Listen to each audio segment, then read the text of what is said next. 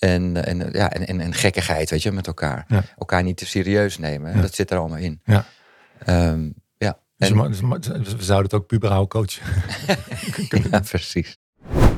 Wat denk ik ook een hele belangrijke is, is dat als je je echt vrij voelt om humor te gebruiken, dan laat je ook iets van jezelf zien. Oké, nou, eh, vertel maar. Oké. Wat is het Eh, probleem? Ja, ja hij past denk ik wel bij jou, want je bent ook relatietherapeut of systeemtherapeut. hè? Maar dat vind ik ook mooi dat je dan wel een probleem doet wat dan bij mij past. Een klein probleem in 10 minuten wat bij mij past. Ja, Exact. mooi. Je luistert naar Coachen 3.0, de podcast. Deze podcast is voor jou als je snapt dat coachen een vak is en als jij daar elke dag een beetje beter in wilt worden. Mijn naam is Sergio van der Pluim en ik ben auteur van de boekenserie Coachen 3.0 en oprichter van Bureau Bewezen FM. Met veel humor, interactie en een veilig leerklimaat leiden wij mensen op in motiverende gespreksvoering, oplossingsgericht coachen en ACT. Check vooral ook even onze website op www.bewezeneffect.nl. En dan nu snel over naar het onderwerp van vandaag. Ik zit hier met Freek Zarink. Freek, welkom in de podcast. Ja, dankjewel dat je me hebt uitgenodigd. Uiteraard, ja. ja een aantal jaar geleden mocht ik bij jou te gast zijn. En Ja. eh, hoogste tijd om eh, dat is om te draaien. Ja, leuk. Hey, even wat feitjes over jou. Je, je, je bent psycholoog. Ja. Eh, je noemt jezelf provocatief psycholoog. Ook dat nog. Je hebt een prachtig boek geschreven. Wat is de titel ook weer? In het Nederlands is het de provocatieve psychologie en coaching. Ah, en in het Spaans? La terapia provocativa. Kijk, en in het Engels? Provocative therapy. Kijk, deze man is van vele talen thuis. Ja. Eh, geweldig. En, ehm, ja, en op dit moment doe jij promotieonderzoek naar de rol van humor in therapie. Klopt. Ja. Geweldig. Nou ja, Ja. meer dan genoeg reden om eh, jou eens een uurtje te bevragen.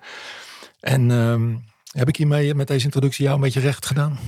Ik denk dat zijn de belangrijkste elementen uit mijn leven. Kijk, de rest is bijzaak. Ja, precies. Laat je vrouw het niet horen. Eh, die luistert eh, wel podcasts, maar niet waarin ik eh, zit. Nee, dat, nee. dat, dat, dat herken ik. Hey, ik ben eigenlijk heel benieuwd. Kijk, de, de, de, de provocatieve stijl is al vaak genoeg uitgelegd. Als Ja. mensen dat nog niet kennen, kunnen ze eerder podcast-episodes luisteren. Absoluut. Eh, maar ik ben vooral nieuwsgierig naar jouw persoonlijke reis. Dus hoe, Ja. hoe heeft de provocatieve stijl zo'n centrale plek in jouw leven gekregen? Ja, nou dat heeft ermee te maken gehad dat ik eh, op een gegeven moment in, in de coaching terecht kwam. Ik was ehm, eh, adviseur, ik werkte bij KSG Berenschot. eh, en ehm, ja, ik merkte dat dat, dat, dat werk me niet eh, voldoende voldoening gaf. Mhm. Dus eh, ik, vond, ik vind het leuk om les te geven, trainingen te geven, maar daar nou, deed het me te weinig. En ik wilde wat meer de diepte in. Ehm, dus op, zocht- Coachen is te oppervlakkig. nou nee, ik zocht dus op een gegeven moment iets waarbij ik wat meer eh, eh, coaching kon doen in plaats van alleen maar trainen. Ah, ah, op die manier. Ah, op zo. Ehm, en toen dacht ik, ja, god, weet je, ik ben, eh, nee, ik, ik, ik heb eh, psychologie gestudeerd, eh eh, klinische psychologie gestudeerd, eh, so- sociale psychologie vak, eh, weet ik het allemaal niet. Eh, nou, heel veel soft skills trainingen gegeven. Ik, ja, wat, ga, wat ga ik dan zelf voor coachingsopleiding nog zoeken, Mhm. wat ik niet al zelf kan? Mhm. Dus ik wilde iets anders. En toen kwam ik provocatief coachen tegen. En Ja. ik las het boek van, eh, van eh, eh, Jaap Holland en Jeffrey Wijnberg. En al meteen bij- het openen van het boek dacht ik, verrek. Ja, je kan dus gewoon echt gewoon zeggen wat je denkt. En het kan er ook nog eens nuttig zijn voor de cliënt. Ehm, en dat maakte dat ik dacht van ja, ehm, dit, dit, dit, is, dit is de opleiding die ik wil doen. Nou kom ik uit de kant van de klinische psychologie. Ja. En eh, eh, wat maakte nou dat ik die overstap maakte naar, naar het trainen, is juist de frustratie eh, op- tijdens mijn opleiding klinische psychologie, dat ik maar aan het hummen was en al de juiste vragen stelde, maar dat ik dacht, pff, als ik dit de rest van mijn leven moet doen, Ja. man, dan val ik van mijn stoel van vermoeidheid. Ja, ja, ja, dat is en heel vermoeiend en Ja. ook niet heel spannend. denk Nee, nee. Nou, en dat was dat, dat moment dat ik eh, in contact kwam met de provocatief coach. dacht ik, jee, maar had ik, als ik dit nou had geweten tijdens mijn studie eh, op de universiteit, dan was ik, eh, ja, dan was ik niet de consultie ingegaan. Dan was ik doorgegaan in de GGZ. En uiteindelijk heb ik die stap alsnog gemaakt omdat ik be- meer ben gaan coachen. En vanuit het coachen dacht ik, ja, zie je, dit, dit, hier krijg ik zoveel energie van. Dit wil ik doorgeven. Ja, en, en daarin eh, uiteindelijk toch nog de stap gemaakt om de GGZ in te gaan. Ja.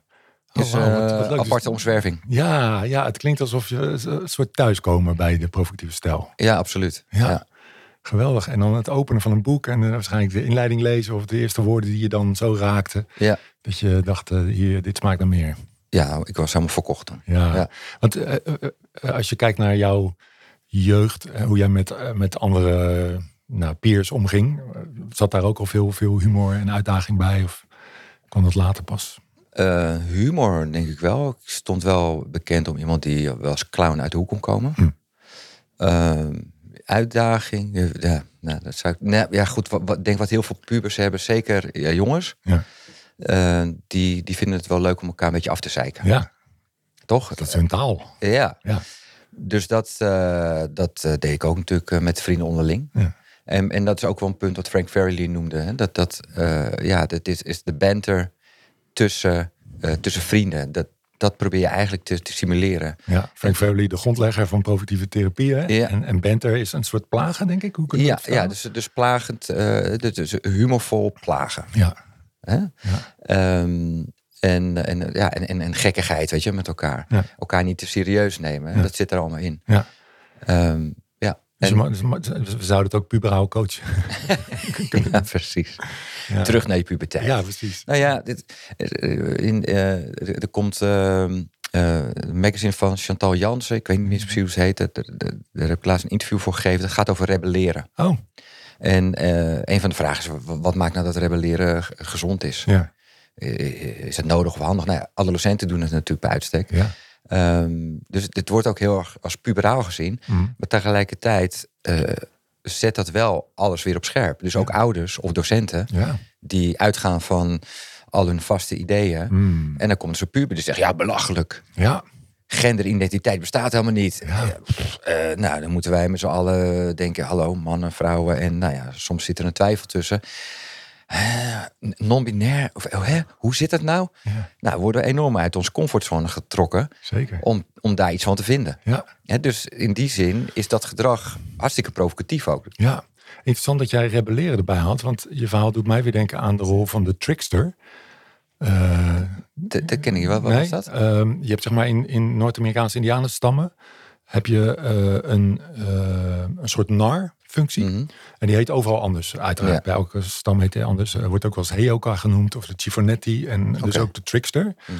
En dat is eigenlijk een, iemand die precies doet wat jij net omschreef. Namelijk eh, de, de gevestigde orde daar een beetje aan schudden. Ja. eh, om, om te zorgen dat de dingen fris blijven. En, en dat we Ja, ja. allemaal blijven nadenken van ja, klopt het nog wel wat we doen?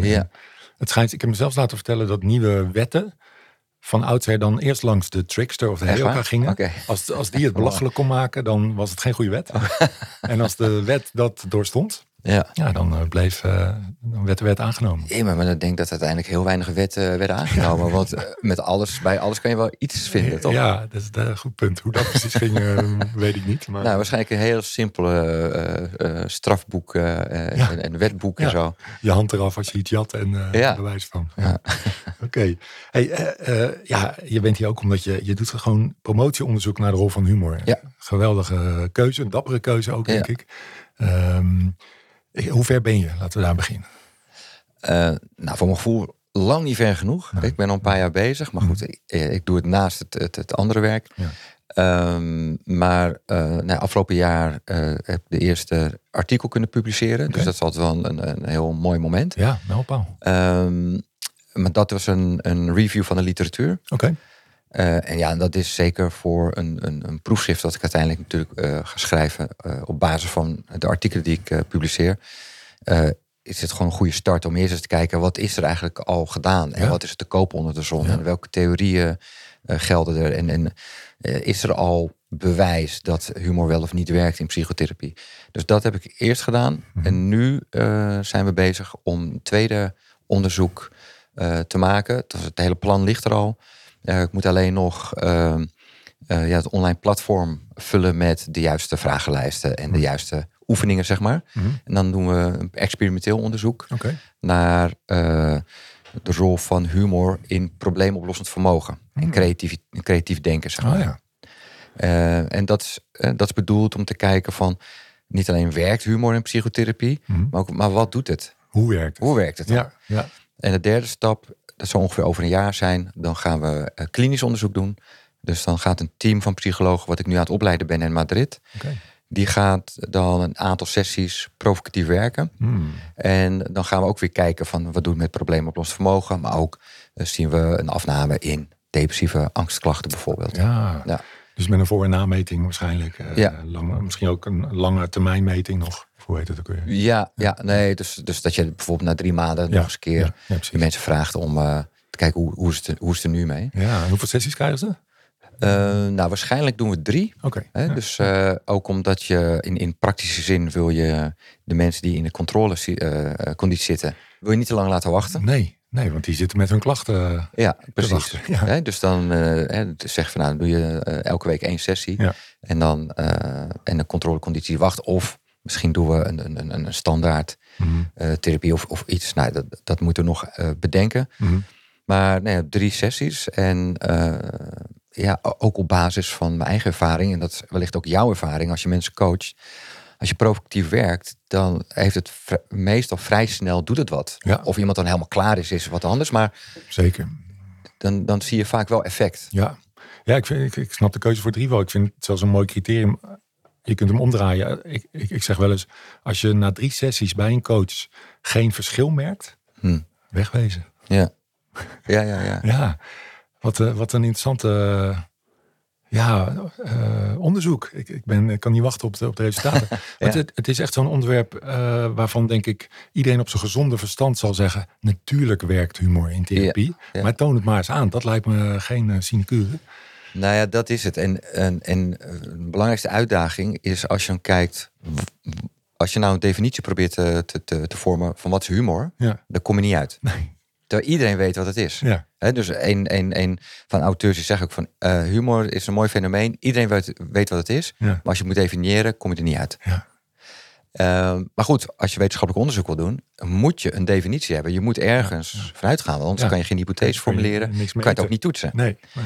Dus dan, nou, en, en, nou, er zijn dus vanuit een aantal richtingen, eh, de psychoanalytische kant, hè, die zegt, nou, humor eh, is heel belangrijk omdat het ehm, eh, een, een uitlaatklep is voor seksuele en agressieve tendensen die we Mhm. hebben. Mhm. En nou ja, ergens is het ook wel logisch, want als je kijkt naar hoeveel grappen gaan over of het nou seks is, of dat het gaat over chansen of een blauwtje lopen of zo, Mhm, maar dan. Dan gaat het wel over zoiets. Mhm. Of over agressie. Maar agressie is ook, Jantje glijdt uit over een bananenschil. Mhm. Ha, ha, ha. Mhm. Hè, dat, dat wordt ook gezien als agressie. Mhm. Eh, is er veel humor? Het gaat over die thema's. Ja, Eh, een andere theorie die zegt, ja nee, maar eh, humor wordt vooral gebruikt om mensen die op een superieure positie zijn naar beneden te halen. Dus hun status verlagen. Oh. En wat daarmee gebeurt is dat je eigen gevoel van eh, ja, inferioriteit eh, een beetje probeert te compenseren. Mhm. Als je anderen omlaag brengt, dan breng je jezelf omhoog. Ja, natuurlijk. Ja. Nou, en dat zien we terug in dat heel veel grappen gaan over politici, de politici, rechterlijke macht, mensen met geld, mensen met status. Eh, nou, weer een andere theorie die gaat meer in op ja, eh, de, de fysieke elementen van, van humor. Mhm. Hoe kunnen we dat zien? Hoe kunnen we het meten? Wat gebeurt er? Eh, hormonaal bijvoorbeeld. Mhm. Ehm, en een van de theorieën waar, waar wij eh, van uitgaan is de theorie eh, van de incongruentie. Of het oplossen van incongruentie. Mhm. En daar werd ik ooit door getriggerd door die term. Omdat provocatief werken, dat noemen we incongruent werken. Mhm. Hè? We zijn er om te helpen, maar in heel veel wat we doen en zeggen... lijkt het alsof we niet helpen. Mhm. Mhm. Nou, daardoor ontstaat verwarring Ja. in in ieder geval onze rol... en, en wat kan je uit die sessies halen. Ja. Nou, en die verwarring, daarvan is eh, mijn aanname... die verwarring is heel belangrijk voor een verandering. Ja. En nou, als je kijkt naar de incongruentietheorie over humor, Mhm. gaat het ook over verwarring. Mhm. En Dus dat je in een grap, in een mop, in een komische situatie, dan eh, worden we een beetje om de tuin geleid, omdat we denken het is verhaallijn A. Mhm. En op het moment van de clue denk je, oh verrek, het is eigenlijk iets heel anders. Korte moment waarvan je denkt, hè, dat klopt helemaal niet, Ja. dat is verwarring. En dan het idee van, oh, nu weet ik waarom ik iets anders dacht. Dat is een soort van opluchting waardoor we moeten lachen. Ja. Nou, Eh, dat is de ik even stopzetten hier? Want, want Ja. eh, ik volg je helemaal. En, en eh, weet jij toevallig een voorbeeld van een, een mop waarin dit aan de Ja. orde is? Ja, Vertel. Nou, een, een mop die ik vaak gebruik als voorbeeld in deze is, nou, er komt een man en die belt aan bij het huis van, van zijn huisarts. En de deur wordt opengedaan door, eh, door de mooie jonge eh, vrouw van de huisarts. En die man die zegt erop eh, met een beetje heese stem, is, is, is, de, is de dokter thuis? Waarop die vrouw zegt, nee, dus kom binnen. Ja, heerlijk. Ja, het is een heel simpel mopje. Ja, ja. Maar goed, je hebt ook weer die twee verhaallijnen waarvan je eerst denkt, nou, hij heeft last van zijn stem. En de tweede verhaallijn is, oh, ze gaan een nummertje maken. ja geweldig. Hè, nou, dat is een heel, heel simpel iets. Leuk. Ik heb er ook een. Oké, Oh, die, die oh, dezelfde structuur. Dus dan Ja. kunnen we eh, de, de, de gemene delen vinden. Er zit een, eh, een wat ouder echtpaar zit in het vliegtuig. En naast een jong iemand. En ehm, nou, dat echtpaar maakt een hele gelukkige indruk. En ze raken aan de praten. Het is een lange vlucht. Op een gegeven moment vraagt die, eh, de, de jonge persoon van... Goh, jullie lijken echt wel heel gelukkig getrouwd. Ja, ja, ja, dat is ook zo. Oh, wat, wat gaaf zeg. En wat, wat is nou eigenlijk jullie, jullie geheim? En dan zegt, zegt de vrouw... Nou, wij eten elke week in het eh, restaurant waar we elkaar ontmoet hebben. Oh, Ja, zegt die man. Eh, zegt die jongeman. Ja, zegt ze erbij. Eh, ik op dinsdag en hij op donderdag. mooi. Ja. Ja. precies. ja. Ja, dat is precies hetzelfde. Je, je, je verwacht iets. Mhm. En die verwachting wordt, ja, wordt de, de, de, de, de das omgedraaid, wordt de nek omgedraaid. En dan eh, is er een verrassingselement. ja, ja. Ik heb een cursus stand-up comedy eh, gedaan, een tijdje Mhm. terug. En daar eh, bieden ze eigenlijk ook die structuur aan. En Ja. dan zeggen ze, je hebt altijd een, een setup en een punch. Ja. Dus er is een verwachting, Ja. een kort verhaaltje. En de punch is eigenlijk die zin of die uitspraak... of zelfs een gebaar die alles op zijn kop zet. Ja. En ik heb wel eens bedacht van, goh, eigenlijk op het moment dat iemand bij de coach komt en over zijn probleem vertelt, dan is daar een verwachting. Namelijk, jij gaat mij helpen, je gaat me fixen, je gaat ja. het oplossen. Dus dat is de setup. Ja. En de punch is dat de positieve coach doet iets totaal anders. Ja. Die zegt, maar dat is geen probleem, dat is juist fantastisch. Ja, je moet niet veranderen. Nee, ja. Dus eigenlijk zit hij daar zit hij al ingebakken. Als Nou, dat, dus ik dacht, het is eh nagenoeg één op één wat wij pretenderen te doen. Mhm. Wat wij denken dat, dat wat we doen en wat er werkt in het provocatieve. Heel interessant. Ehm, hè, dus, dat, dus dat even los van dat die andere theorieën eh, ook op een of andere manier eh, interessant zijn voor het provocatief werk. Het gebruik van humor. Ook als je niet provocatief werkt eh, dan, en je gebruikt wel humor, hè, dan heeft het ook op bepaalde manier effect. Maar dat incongruente, ik denk dat sluit heel erg aan bij het provocatief gedachtegoed. Hm. Dus dat is wat we nu vooral onder aandacht brengen. Mede omdat mijn promotor is specialist in de ACT. En daar gaat het over eh, psychologische flexibiliteit. Hoe kan je dat verhogen? En nou, dat zit hem ook in eh, verwarring creëren. eh, mensen losmaken van een standaard gedachtepatroon. Dat uitdagen. En zijn observatie was... er is nul onderzoek naar de rol van humor in ACT. Hmm. En ik heb contact gehad met Hayes. Om Steven Hayes, de Ja. grondlegger van ACT. ja, goh, ik ben op, op zoek naar meer onderzoek. En ook vanuit de act. En humor. Is het er? En, Het is er niet. nou ja. En hoogstens dat, dat, dat er, ik kreeg drie, drie, drie eh, onderzoeken door. Onderzoek naar eh, hoe autisten humor eh, oppikken. Oké. En, en, nou ja, en dan wel vanuit een act manier bekeken of zo. Maar het ging niet over hoe humor in een act-sessie ehm, eh, een, ro- een rol heeft. En het effect daarvan, zeg maar. Hmm. Dus nou ja, zijn, zijn, zijn observatie, hè, die van mijn promotor, die, die klopt. Eh, heel gek dat dat humor, waarvan je kan op veronderstellen... dat kan enorm mooi effect hebben in het afstand nemen van jezelf. Ja, eh, het, het psychologisch flexibeler worden, Ja. andere perspectieven nemen. juist. Niet onderzocht. Ongelooflijk. Nou, Ja. hoogste tijd. Dus je hebt, eh, je hebt een gat in de markt eh, te pakken. Ja, ja, ja, het- ik precies. zat daar precies aan te denken. Eh, Je hebt, dat, je hebt die zes processen in ACT. En één daarvan is zelf als context. Mhm. En dat is best een abstract begrip. Maar wat daaronder valt is onder andere flexibele perspectiefname. Ja. En dat hoor ik jou ook zeggen. Ja. Dus wisselen van perspectief. Ehm, ja, eigenlijk je, eigenlijk je geest een beetje, beetje leniger maken zou je kunnen zeggen. Ja, precies. Ja. Ja.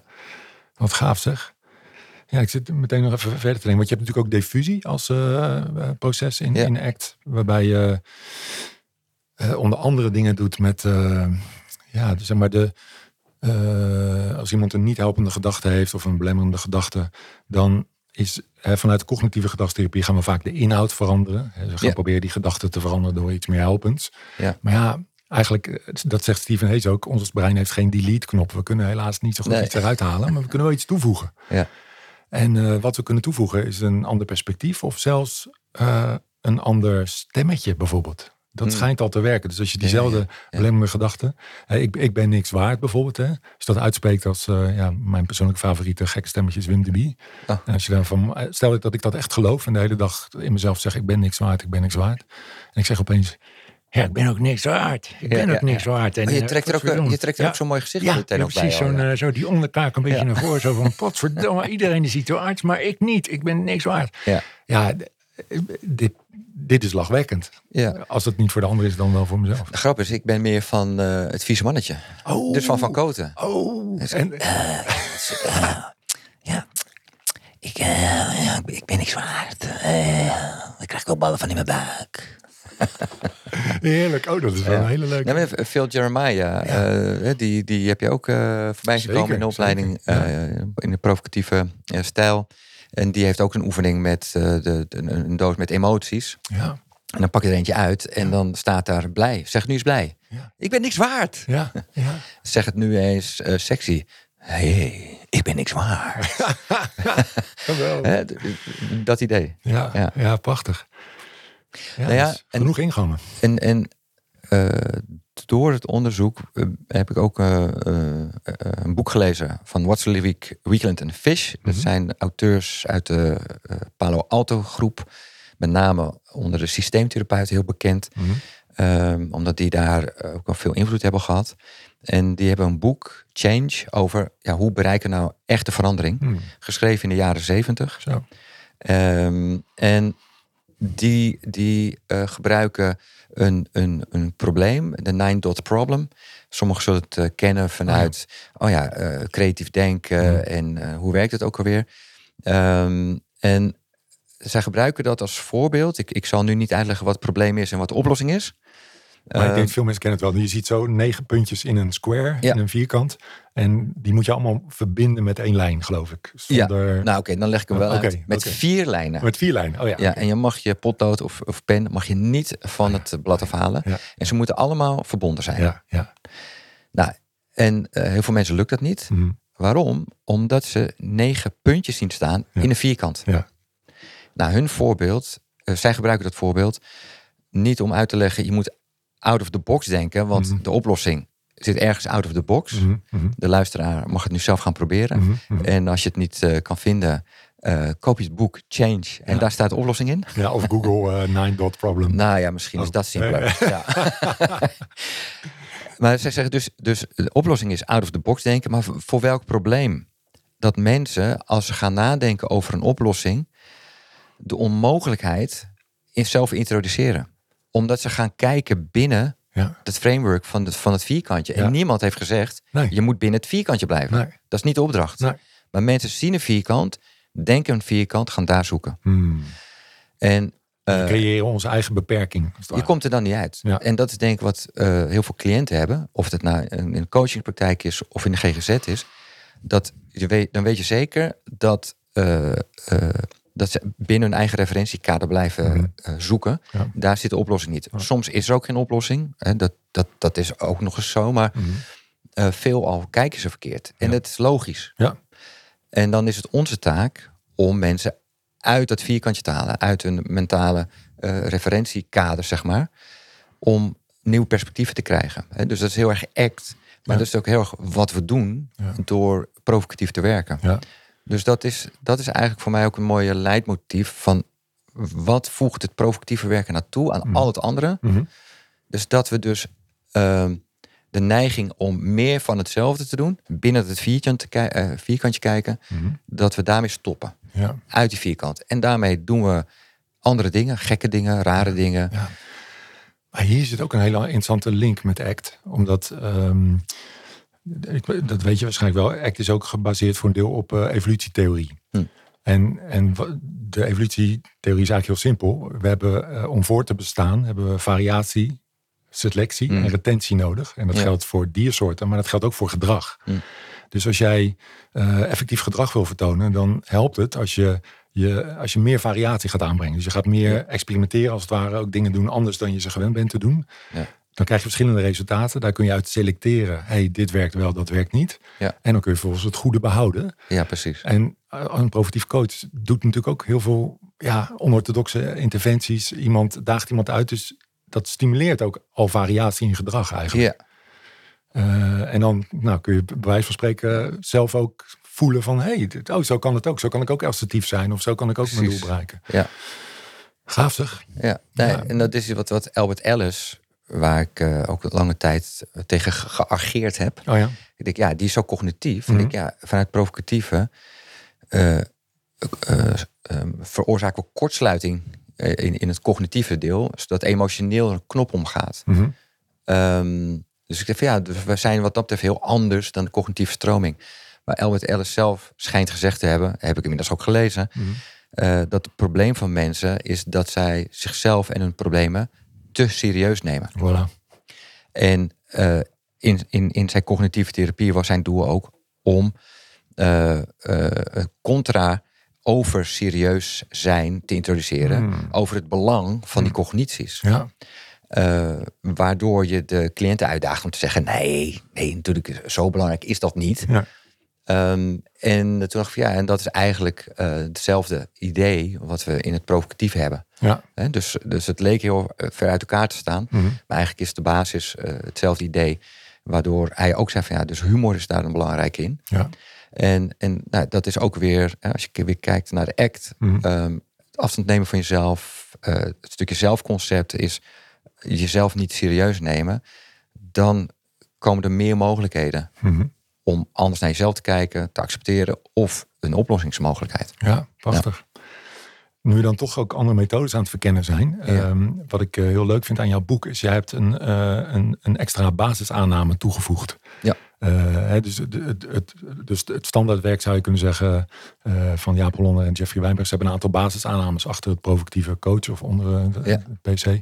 En, en jij hebt er eentje toegevoegd. Zou je die eens willen toelichten? Ja, zeker.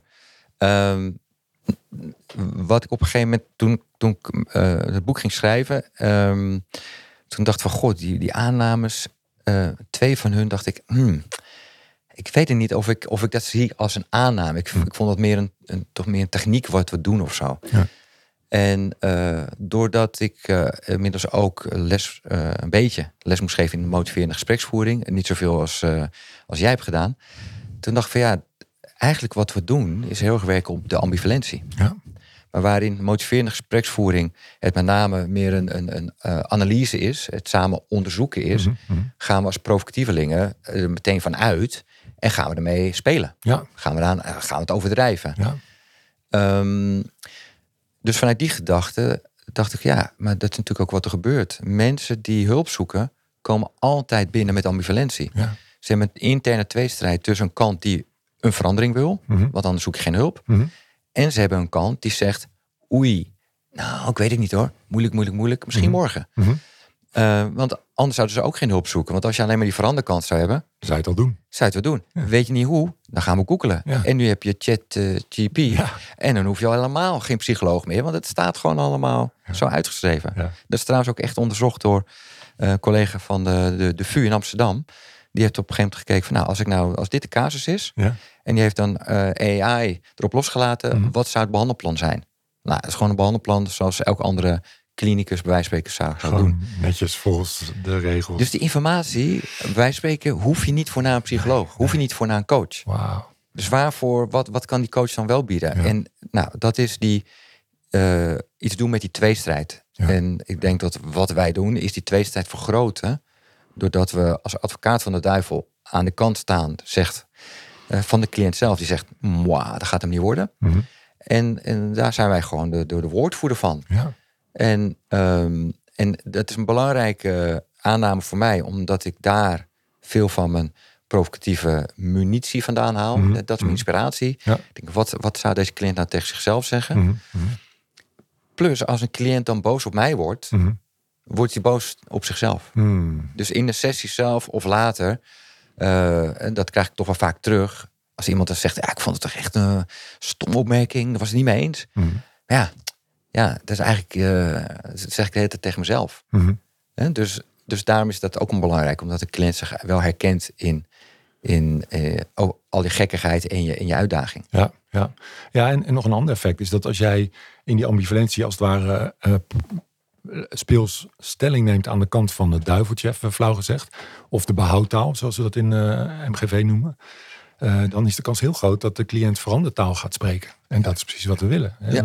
Want daar is ook, eh, volgens mij, hebben we genoeg onderzoek over dat als mensen oprecht pleiten voor verandering, Mm. en niet alleen dat ze het willen, maar ook waarom ze het willen, Mm. hoe ze het zouden kunnen doen, op welke termijn, eh, dan, dan is dat een goede voorspeller voor verandering. Ja, precies. Niet als het sociaal wenselijk is, uiteraard, maar als dat oprecht is, dan, eh, ja, dan is dat. Ja, en ja, neuropsycholoog zou het interessant zijn om dat wij spreken uit te zoeken van Mhm. of er echt iets verandert. Dat als iemand, eh, als, je, als je iemand goed bedoelt, congruent gaat Mhm. adviseren, Mhm.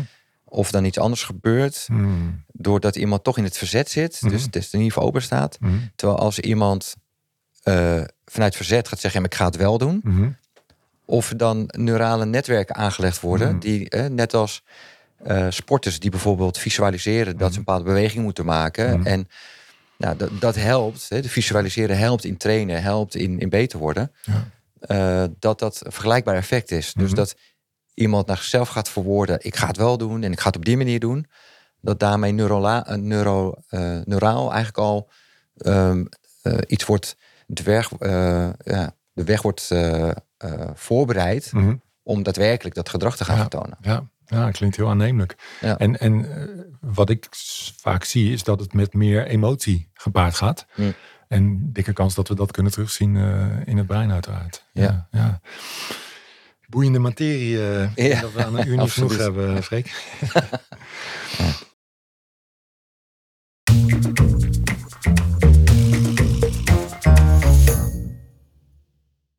Nu zijn er coaches, eh Freek, die ehm, zoiets hebben. Ja, de provocatieve stijl. Ik weet niet of het wel bij me past, maar humor vind ik wel leuk. Ja.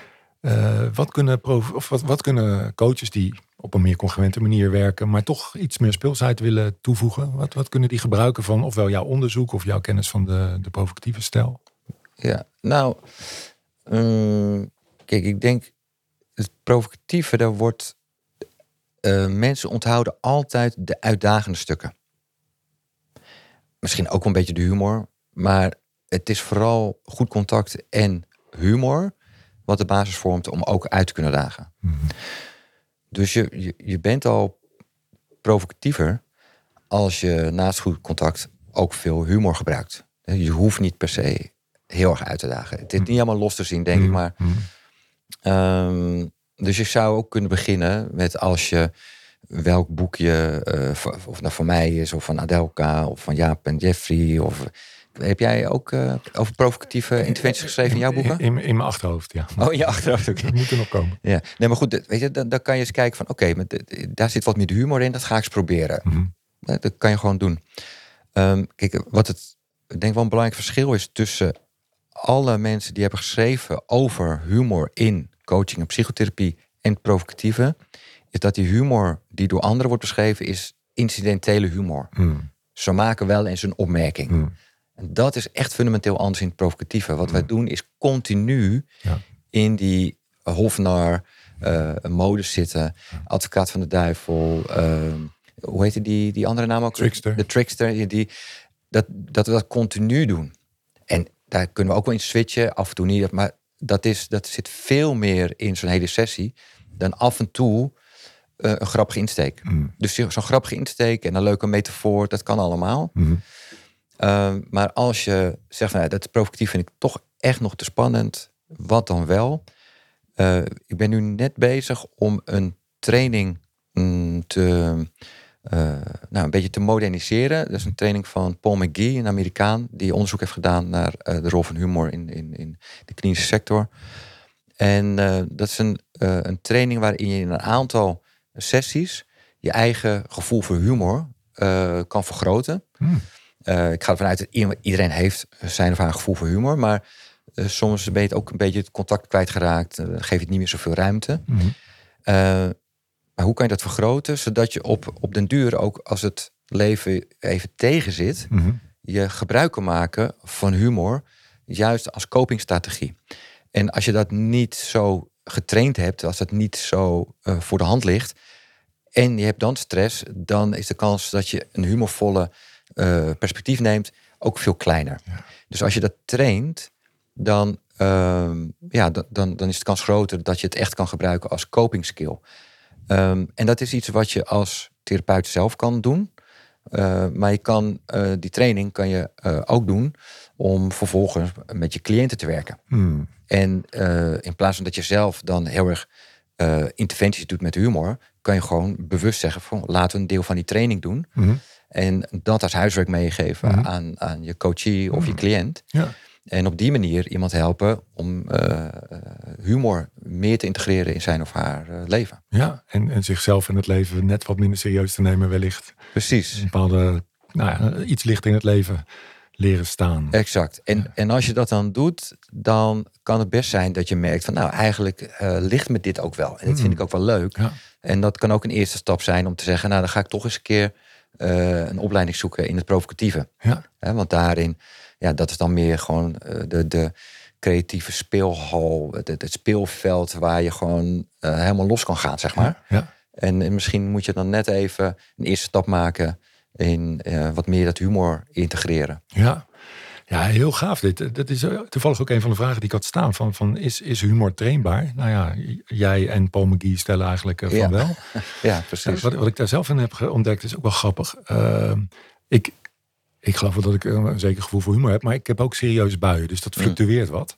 En als ik een training geef, vind ik het wel lekker als die humorspier een beetje, een beetje warm opgewarmd is, zeg maar. Ja. En bij toeval ontdekte ik, als het mij lukt om eh, eh, eh, me goed voor te bereiden op de training voor het, e- voor het avondeten. En ik heb lekker een vrije avond. En ik kijk dan ook nog eens naar wat comedy. Ja. Dan, ja, dan, dan, dan wordt er gewoon meer gelachen tijdens de training. Ja. En andersom, als ik me niet zo goed voorbereid en dat moet s'avonds nog en ik ben wat gestrest en ik kijk niet naar comedy, dan, eh, dan wordt het een wat serieuzere training. Ja, ja, Dus, ja, eh, ja, ja, dus, precies. En dat wa- was echt een patroon wat ik op een gegeven moment herkende. Oh, grappig, ja. Ja. Nou ja, dus, dus nou ja, e- een van de dingen, het heel, heel simpel, als je meer humor in je leven wil, of je wil zelf meer humor gebruiken, omring je met humor. Zo simpel. Hè, dus ik heb, eh, ik heb al een paar jaar zo'n zo, zo'n scheurkalender van Fok en Sukken Ja. eh, ophangen. Ja. Nou ja, weet je, een 365 dagen een, een echt goede grap uit je mouw schudden, dat lukt niemand, ook hun niet. Nee. Hè, dus het is echt niet dat ik elke keer denk, goh, die is goed.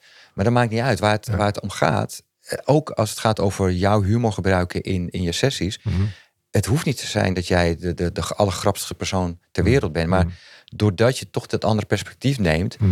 Eh, help jezelf om wat vrijer te denken en de cliënt ook. Ja. dus één aanname of een vraag is ook: moet de cliënt in therapie de humor, interventie ook grappig vinden, Mhm. opdat de humor werkt? Ja. Nou, er zijn ideeën over, nou, dat hoeft niet per se. Aha. Iemand hoeft het niet grappig te vinden, want is het, is, het is nog steeds verwarrend. Ja.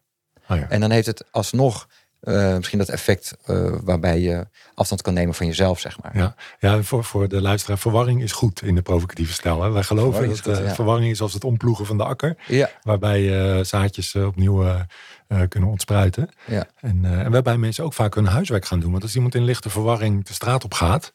Hij moet wel kunnen auto maar Ja. hè, enig verward, dat juichen we eigenlijk Ja. wat toe. Hè? Omdat mensen Ja. dan echt gaan nadenken over van... hé, hey, wat gebeurde daar nou? En wat, wat, wat vind ik eigenlijk? En wat wil ik? absoluut.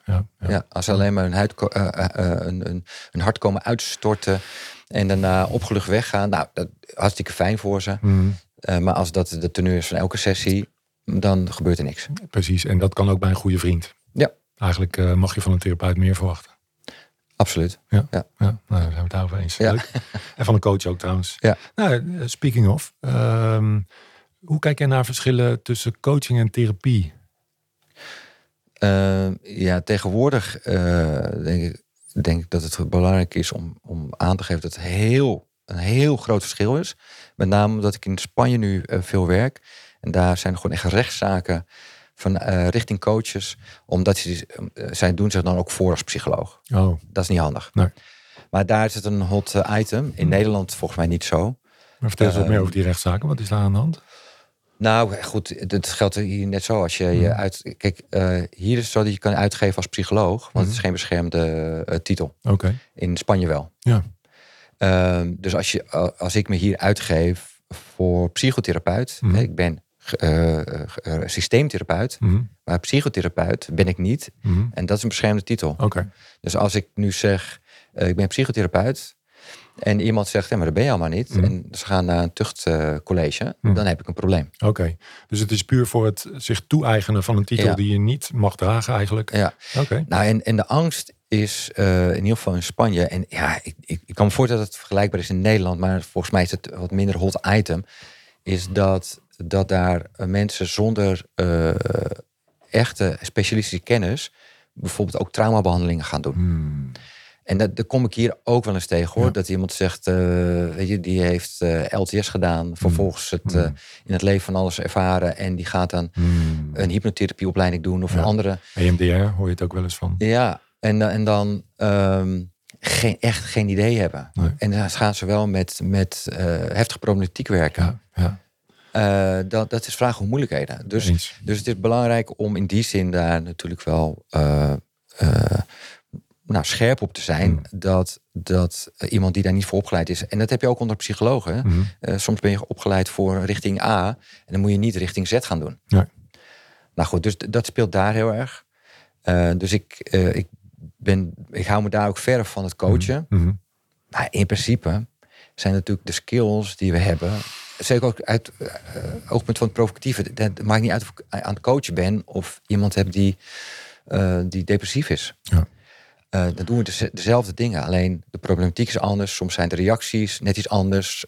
Moet je ja, wat meer geduld hebben op een reactie. Soms ook kunnen inschatten van nou, wanneer moet ik ietsjes gas terugnemen. Of, dus dat zijn, dat zijn verschillen. Maar in hoe je het toepast, Mhm. de technieken, de vaardigheden, ja, is coachen niet per se anders dan, eh, dan psychotherapie. Nee, nee, ik kan me wel vinden in je, je analyse. Dus, dus de, de werkzame elementen die, die je gebruikt, die zijn vergelijkbaar. Ja. Maar je moet eigenlijk ja, wel hè, schoenmaker blijven bij je leest. We gaan niet eh, werken met mensen die eh, jouw expertise overstijgen qua zwaarte van de problematiek. Ja. Zou je kunnen zeggen, als het in de DSM-5 staat, waag je er niet aan als coach? Of staat er tegenwoordig zoveel in de DSM-5 Ja, dat er niet zoveel overblijft? Nee, je kan er je ook al vragen wat is de waarde van de DSM-5. Ja, maar ja. nou, kijk, eh, het is ik denk altijd een grijs gebied. Want soms komt Ja. ook iemand bij me voor therapie. En dan denk ik uiteindelijk, nou ben ik meer aan het coachen. Hmm. En dus dit is ook een grijs gebied. En, en sommige coaches zijn ontzettend goed. En die voelen dat ook heel goed aan. En die kunnen iemand die eh, toch ook wel echt wat depressief is, prima bijstaan. Hmm. Terwijl de, de meest opgeleide eh eh, klinisch psycholoog eh, er echt een potje van maakt. Hmm. Dus het is wel echt aan je eigen professionaliteit om te denken van nou, kan ik dit aan? Als je twijfelt, gewoon niet doen. Nee, nee. Maar mijn indruk, en ik weet niet hoe het van jou is, dat het in Nederland minder een hot item is. Omdat daar misschien al meer uitgekristalliseerd is waar cliënten wat gaan zoeken. Ja, wellicht. En tegelijkertijd krijg je toch van cursisten wel eens de vraag. Eh, dus beginnende coaches vinden het ook wel een beetje spannend. Die zijn ook nog een beetje aan het ontdekken van hey, wat, wat kan ik en wat, wat past wel bij mij als doelgroep en wat niet. Ja, En wat ik zelf ook wel als, adv- als advies geef. Kijk, natuurlijk als je van tevoren kan inschatten van dit gaat mijn expertise te boven. Nou, gewoon netjes doorverwijzen. ja, Eh, maar soms heb je twijfelgevallen. Of soms belandt er iemand bij je die toch eh, met ernstige problematiek opeens op de proppen komt. ja. En dan vind ik een mooi criterium. Als jij handelingsverlegen wordt, dus je gaat opzien tegen sessies. Mm. Je gaat twijfelen van oeh, ben ik wel de juiste coach? Of, Ja. of eh, je gaat een beetje gestrest er naartoe. Dat is niet zo'n goed teken. Nee. En dan hoef je niet iemand uit je handen te laten vallen. Maar dan zou je wel natuurlijk het gesprek aan kunnen gaan van goh, ben ik voor jou eigenlijk wel een geschikte coach? En Ja. eh, moeten we niet iets verder gaan kijken? Dat je bij wijze van spreken wat overbruggingscontacten nog aanbiedt. Exact. Maar dat je heel duidelijk bent over wat, wat kan ik wel voor je zijn en wat niet. Ja. ja. Nee, precies zo. Mm, Ja. Ja. En dat geldt voor mij ook. Ik werk nu niet meer in de tweede lijn psychiatrie, wat Mhm. ik in het verleden heb gedaan. Ik Mhm. werk nu voor mezelf in mijn eigen praktijk. Dus dat betekent ook dat, ondanks dat ik ervaring heb met bepaalde problematiek, het niet altijd handig is dat ik dat nu nog doe. Mhm. Omdat ik een eenpitter ben. Ja. Dus daar geldt hetzelfde voor. Dat je op een gegeven moment op een punt kan komen. Dat ik denk, ja, Dit, want- is, dit is nu wel, dit, dit is denk ik niet handig. Oh ja, want eh, als je in een team zou werken, zou je misschien net wat zwaardere dingen oppakken, omdat je interdisciplinair kan werken. Nee, bijvoorbeeld, je, kan- je kan toch af en toe eh, nog bij een collega zeggen: Goh, nou, dit is nou gebeurd en eh, ik twijfel even, hoe zit dat? Nou, dat kan je nu dus ook doordat je bijvoorbeeld intervisiegroepen hebt, hè, dus, de- de- dus dat kan. Maar gewoon heel praktisch, als ik een weekend weg ben of op vakantie en ik heb een cliënt die, die in crisis belandt, ja, dan ben ik er niet. Nee. En als je in een team werkt, hè, dan kan het zijn dat dus iemand, eh nou, nou, niet kan het zijn, dan is het normaal gesproken, wordt gezegd, oké, dan eh, do- doet die de, de noodopvang als het Ja. nodig is. Ja, Of dat er een psychiater achter de hand is die eh, kan ingrijpen als het nodig is. en medicatie kan voorschrijven. Bijvoorbeeld, Ja, weet je, dus- ja. Nou ja, dus, dus het geldt denk ik altijd dat je goed moet opletten van goh, wat, wat doe je zelf aan, maar met name ook wat, wat pretendeer je richting je cliënt. Die moet ook weten waar die van op aan kan. En waarvoor die niet bij je terecht kan. Ja, ja, helder.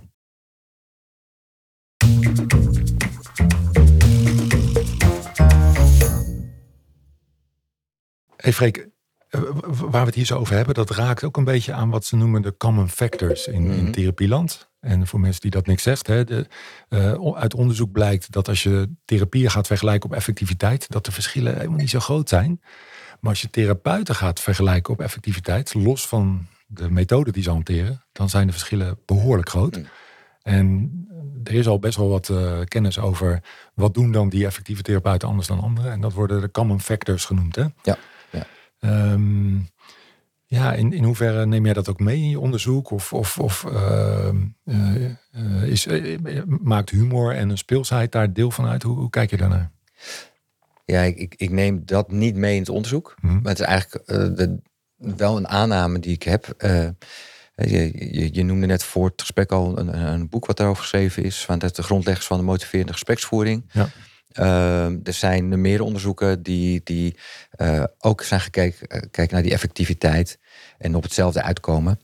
Dus mijn, eh, toen, toen ik mijn PhD begon, dacht ik al van ja, hoeveel meerwaarde heeft het om ook de provocatieve therapie te laten zien in de zin van, oh, dat heeft ook effect ten opzichte van de ACT, ten opzichte van CGT. Ten opzichte, want of het mij nou wel of niet lukt, eh, dat zal vast wel een keer lukken om dat aan te tonen. Mhm. Dat, is, het- dat is het probleem niet. Mhm.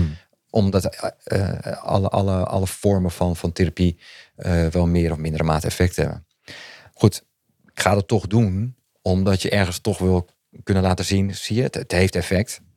Maar veel interessanter is eh, te bedenken, wat is dat dan? En, ehm, nou, en dan, dan kom je op je tweede vraag eigenlijk. Hoe zit dat met humor en, en common factors? Nou ja, ik denk dat, eh, nou, we hebben het net al gehad over dat, eh, dat die humor eh, iets, iets kan doen, ook met de, de, de, de therapeutische relatie. Ehm, dat humor iets kan doen hè, met, met de verwarring, dus, dus in act perspectief mensen kan helpen. Ehm, maar wat denk ik ook een hele belangrijke is, is dat als je je echt vrij voelt om humor te gebruiken, dan laat je ook iets van jezelf zien. Mhm. Dat, dat kan dan anders niet. Mhm. Zeker als humor spontaan gebeurt, Mhm. dan laat je ook iets zien over wie jij bent, waar jij in denkt, wat jouw associaties zijn. Dus dat maakt ook dat je eh, een, een eh, oprechtere, Mhm. eh, opener persoon bent, een behandelaar bent. Nou, en dat is een van de factoren die jij ook noemde, eh, dat zij onderzocht hebben, Zeker. eh, dat, dat die oprechtheid een belangrijke common factor is bijvoorbeeld. Ja, ja in het Engels noemen ze het genuineness. Ja. Dus ja, hoe zou je dat kunnen noemen? Echtheid, authenticiteit, Ja. oprechtheid. Ja. In die hoek zit het, Ja, hè? precies. Ja, ja dat, is- dat, dat vind ik ook fascinerend. En eh, ik luisterde laatst ook een podcast met beide auteurs voor de, voor de luisteraar. Het gaat over het boek Effective Psychotherapists van William Miller en Terry Moyers. En eh, ze zijn beide ja, mede-ontwikkelaars eh, van, van de motiverende gespreksvoering. Maar dit boek is breder. En eh, ze beschrijven een heel aantal ja, factoren. En Mm. echtheid is daar een van, maar ook accurate empathy. Mm. En dan bedoelen ze eigenlijk ook reflectief luisteren mee. Het, het, het proces van focussen. Dus hoe kom je tot een ge- gedeelde ja, focus voor het gesprek. Ja. Het vergroten van hoop. Nou, dat zijn er een aantal. In totaal zijn het er acht. Mm. En eh, in die podcast vertellen zij dat, dat ze met echtheid de meeste moeite hadden om het te, ja, te, te definiëren, beter te pakken. Mm. Eh, omdat ja, echtheid betekent ook weer niet dat je alles gaat vertellen wat je denkt en voelt. Dat Nee. zou raar zijn. Ja. Dus dat is nog best wel een, eh, een interessante.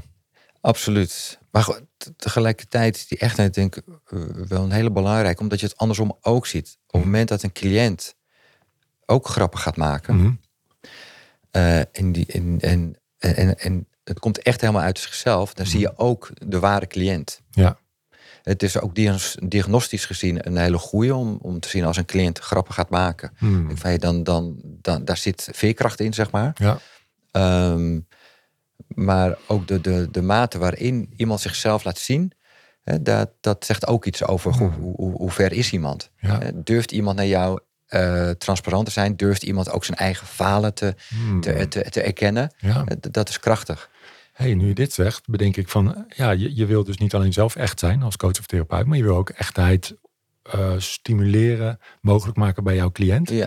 En ja, zoals vaak in het leven moeten we dingen eerst voordoen. Ja, Of hè, voor leven, absoluut. zou die daar ook kunnen zitten. Ja, absoluut. Kijk, ik, ik denk dat, nogmaals, als een cliënt bijkomt, is het meestal niet omdat je zegt: Wauw, het gaat zo lekker, Sergio. Echt, kan je me helpen?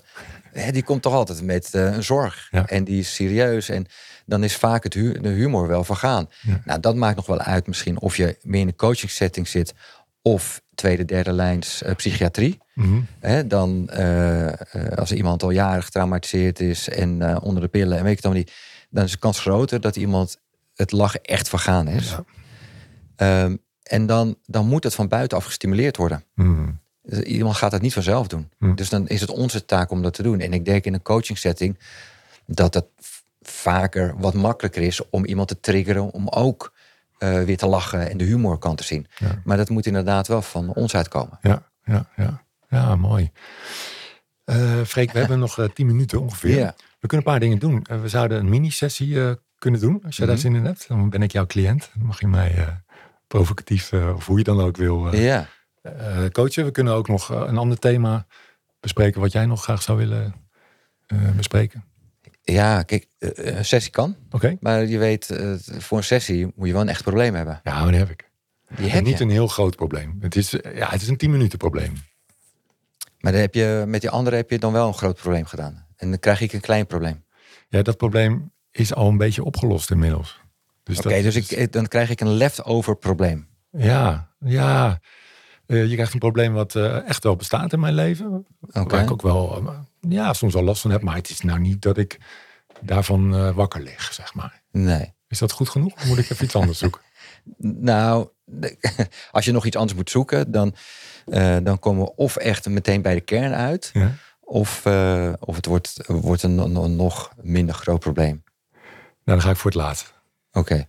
Nou, eh, vertel maar. Oké. Wat is het Eh, probleem? Ja, ja hij past denk ik wel bij jou. Want je bent ook relatietherapeut of systeemtherapeut. hè? Maar dat vind ik ook mooi dat je dan wel een probleem doet wat dan bij mij past. Een klein probleem in 10 minuten wat bij mij past. Ja, Exact. mooi.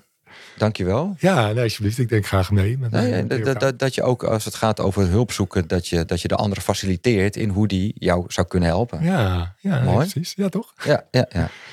Ehm, ik, eh, ik ben getrouwd met, eh, met een lieve vrouw. Ik, ik, ben- ik hou heel veel van haar. Dat gaat allemaal goed. ja. Maar zij is, ze is arts en ze is ooit Oh, God. gepromoveerd op, op Oh. onderzoek naar scans en zo. En zij is getraind in zien wat er niet klopt. ja. En dat doet ze thuis eh, vaak ook. Weet je? Nou, Dus dan- zij, zij heeft er een titel in, maar alle Ja. vrouwen Oh. zijn erin getraind. Oh, om te zo? zien wat er niet klopt. Oké, maar, oké, maar jouw vrouw die heeft er een titel in. ja, Ja. Die, die is daar echt eh, bijzonder goed in. Maar eh, nee, misschien is het ook wel een, een- universeel ding. Dat zou kunnen, ja. Dus, dus als stel, ik ben een dag alleen thuis Ja. met de kinderen en het huis. Ehm, nou, dan doe ik echt wel een paar dingen opruimen en zo. En eh Ja. vaatwassen inruimen en noem maar op. Ja, gewoon echt. Gewoon, Ik doe mijn ja, best. Ja, je bent je echt bewust van, van nou, lekker bezig. Ja. Goed, goed aan het doen. Ja, Straks komt de scanner thuis. Exact. En, en, en is er dan nog iets te scannen? ja exact. En ze vindt altijd iets. Ja, Wat, wat zo goed is zij. zo goed is zij in het scannen van Ja. het huis. Nee, je hebt echt een partner uitgezocht met ik, dit is top notch. Ja, ja. Ja. Maar ik vond natuurlijk ook wel eens een beetje erkenning voor, voor wat, al die dingen die ik wel heb gedaan. En ik krijg vooral eh, het vergrootglas op dat ene dingetje wat ik niet heb gedaan. Ja, en, en, en, en, en, wat is het probleem dan dat je eh, nou, zo'n zo'n eh, hoogkwalitatief scanner thuis hebt en, en dat je dan die erkenning niet krijgt? Ja, dat is, het maakt het er niet gezelliger op, weet je. Dus dan, we zijn allebei moe, het is aan het eind van de dag. Ja. Ik heb ook hard gewerkt en wat dingen in het huis gedaan of wat dingen met de kinderen gedaan. Ja, En eh, dan heb ik, eh, ik laat natuurlijk altijd ook wel één of twee steekjes vallen. Zo ben ik dan ook alweer. Ja. En die ziet ze meteen gewoon echt. Ja, maar dan doe je dat dan bewust? Een Nee, soort van onbewust bewust eh, verzet? Oh, protest? Dat, dat, nee, maar dat zou ik wel eens kunnen Ja, uitproberen. dat zou ik dan doen. Kijk, Ja. als je toch weet dat ze iets gaat vinden, Ja, ja, dan zou ik ja. gewoon bewust nog een paar kruimels laten liggen. Oh, geweldig. Dat Ja. is eigenlijk wel een heel goed idee. Ja, en dan denk je zo, fuck jou. kijken hoe snel het, Precies, dat is een soort... hoe lang het duurt voordat je deze door hebt. Ja, en dan steeds subtieler. Ja, precies. Ja. Ja. Of je gaat je falen een beetje verstoppen. Oh ja. Eh, oh ja, precies. Dus ik laat wel gewoon echte steken vallen. Ja, ja, Maar die ga ik dan een beetje verdoezelen. Een beetje zand eroverheen. Onder het kleed schuiven. Ja, En dan kijken of ze het vindt. ja precies. Heerlijk. Het is wel heel eh, bevrijdend dit. Want dan wordt het een spel. Ja, exact. Kijk, je, kijk, zij is zo goed, je weet toch, ze gaat iets vinden. Zeker. Weet je wel? En dan heb je alles gewoon opgeruimd, alles netjes, zit ze naast je op de bank. Dat heb je goed gedaan, Sergio. Dan zeg ik, dankjewel schat. Oeh, maar je moet wel even je tanden poetsen. Ja, het is toch eind van de dag, weet je wel. En dan, dan krijg je, hey, kom op. Ja, dus het maakt niet uit hoe goed je het doet. ze vindt altijd iets. Dus waarom dan niet bewust Ja. steek ja. laten vallen? Ja. Nou ja, Freek, dit is een advies waar ik mee verder kan. Ja, Het eh, kijken, maar ik, dat is heel grappig. Ik krijg hier echt energie van. ik heb nu al zin. ja. En, en, en je vrouw heeft niet mijn telefoonnummer, toch? Nee. Nee, even checken dat ik niet straks een boos telefoontje van Appie krijg. Wat heb je hier nou weer voorgesteld? Ja, nee, dat, eh, dat, eh, laten we hier discreet mee omgaan. Ja, alsjeblieft.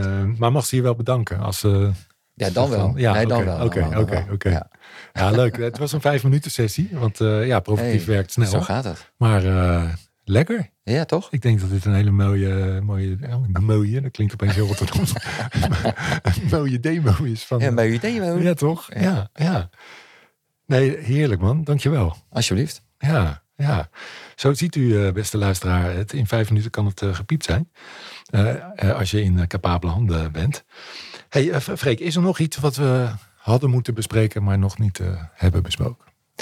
Nou ja, ik, ik ben tegenwoordig in, in, in het veld van eh, jezelf niet serieus nemen. Dus had er nog iets besproken moeten worden? Absoluut niet natuurlijk. Nee. Had het gekund? Vast wel. Ja, Ehm, nee, ik, ik ik vind het gewoon heel leuk dat, eh, dat je me hebt uitgenodigd. Streelt eh, toch weer mijn ego. Maar het is vooral ook leuk om op deze manier weer extra het humoronderzoek, het gebruik van humor, weer even onder het licht te kunnen brengen. Dus ik hoop dat eh, de luisteraar eh, hier ook weer geïnspireerd is om, om op een of andere manier eh, er meer mee te gaan doen. fantastisch. Waar kunnen mensen jou vinden? Ehm, nou, ik denk dat het, je, je mag kiezen Oké, tussen drie websites. Spaans, Engels of Nederlands? Ja, de Engelse die, die is er laatst bijgekomen. dat is humorinpsychotherapy.com. Eh Nederlands is provocatiefpsycholoog.nl. En als je het in Spaans wil eh, lezen, is het terapiaprovocativa.es. Geweldig. En, Ja. en de inhoud is ook echt anders? Of is het gewoon dezelfde inhoud vertaald? Nou, inmiddels is het, eh, het komt allemaal samen op die ene humorinpsychotherapy.com eh, ja. site. Maar daar heb je dus wel Nederlands en Spaanstalige Ah. informatie. Ja. Eh, nee, dus het is, het is natuurlijk vergelijkbaar. Ja, ja. En ik moet het ergens ook nog een, een beetje stroomlijnen, dat het niet allemaal dubbel op staat. Maar de kern is natuurlijk hetzelfde. Alleen in die Engelstalige website, daar wil ik in de komende jaren wat meer eh, het onderzoek bijvoorbeeld eh, opzetten. Ah, ja. En wat meer link naar algemene humor eh, informatie. Terwijl die andere twee websites gaan natuurlijk echt in op het provocatieve. Ah, Oké. Ja. Oké, Dus als we de, de, de uitkomsten van je onderzoek willen, bij, willen bijhouden, dan moeten we bij de Engelse zijn. Ja, precies. LinkedIn, dat is ook een goede. Ja. Want daar Ja. zet ik natuurlijk ook op als er dan weer een artikel uitkomt. Ja. dus als mensen op uh, Freek eh, googelen, Even linken met je. linken, dan eh, kunnen ze dat vinden. Helemaal top. Ja, Freek, het mogen duidelijk zijn dat jij eh, de wereld eh, mooier maakt met, met wat je hier allemaal doet op deze planeet. Dus dank je wel daarvoor. En ik weet zeker, dat geldt ook voor jou beste luisteraar. Dus ga er vooral mee door, dan wordt de wereld elke dag een beetje mooier.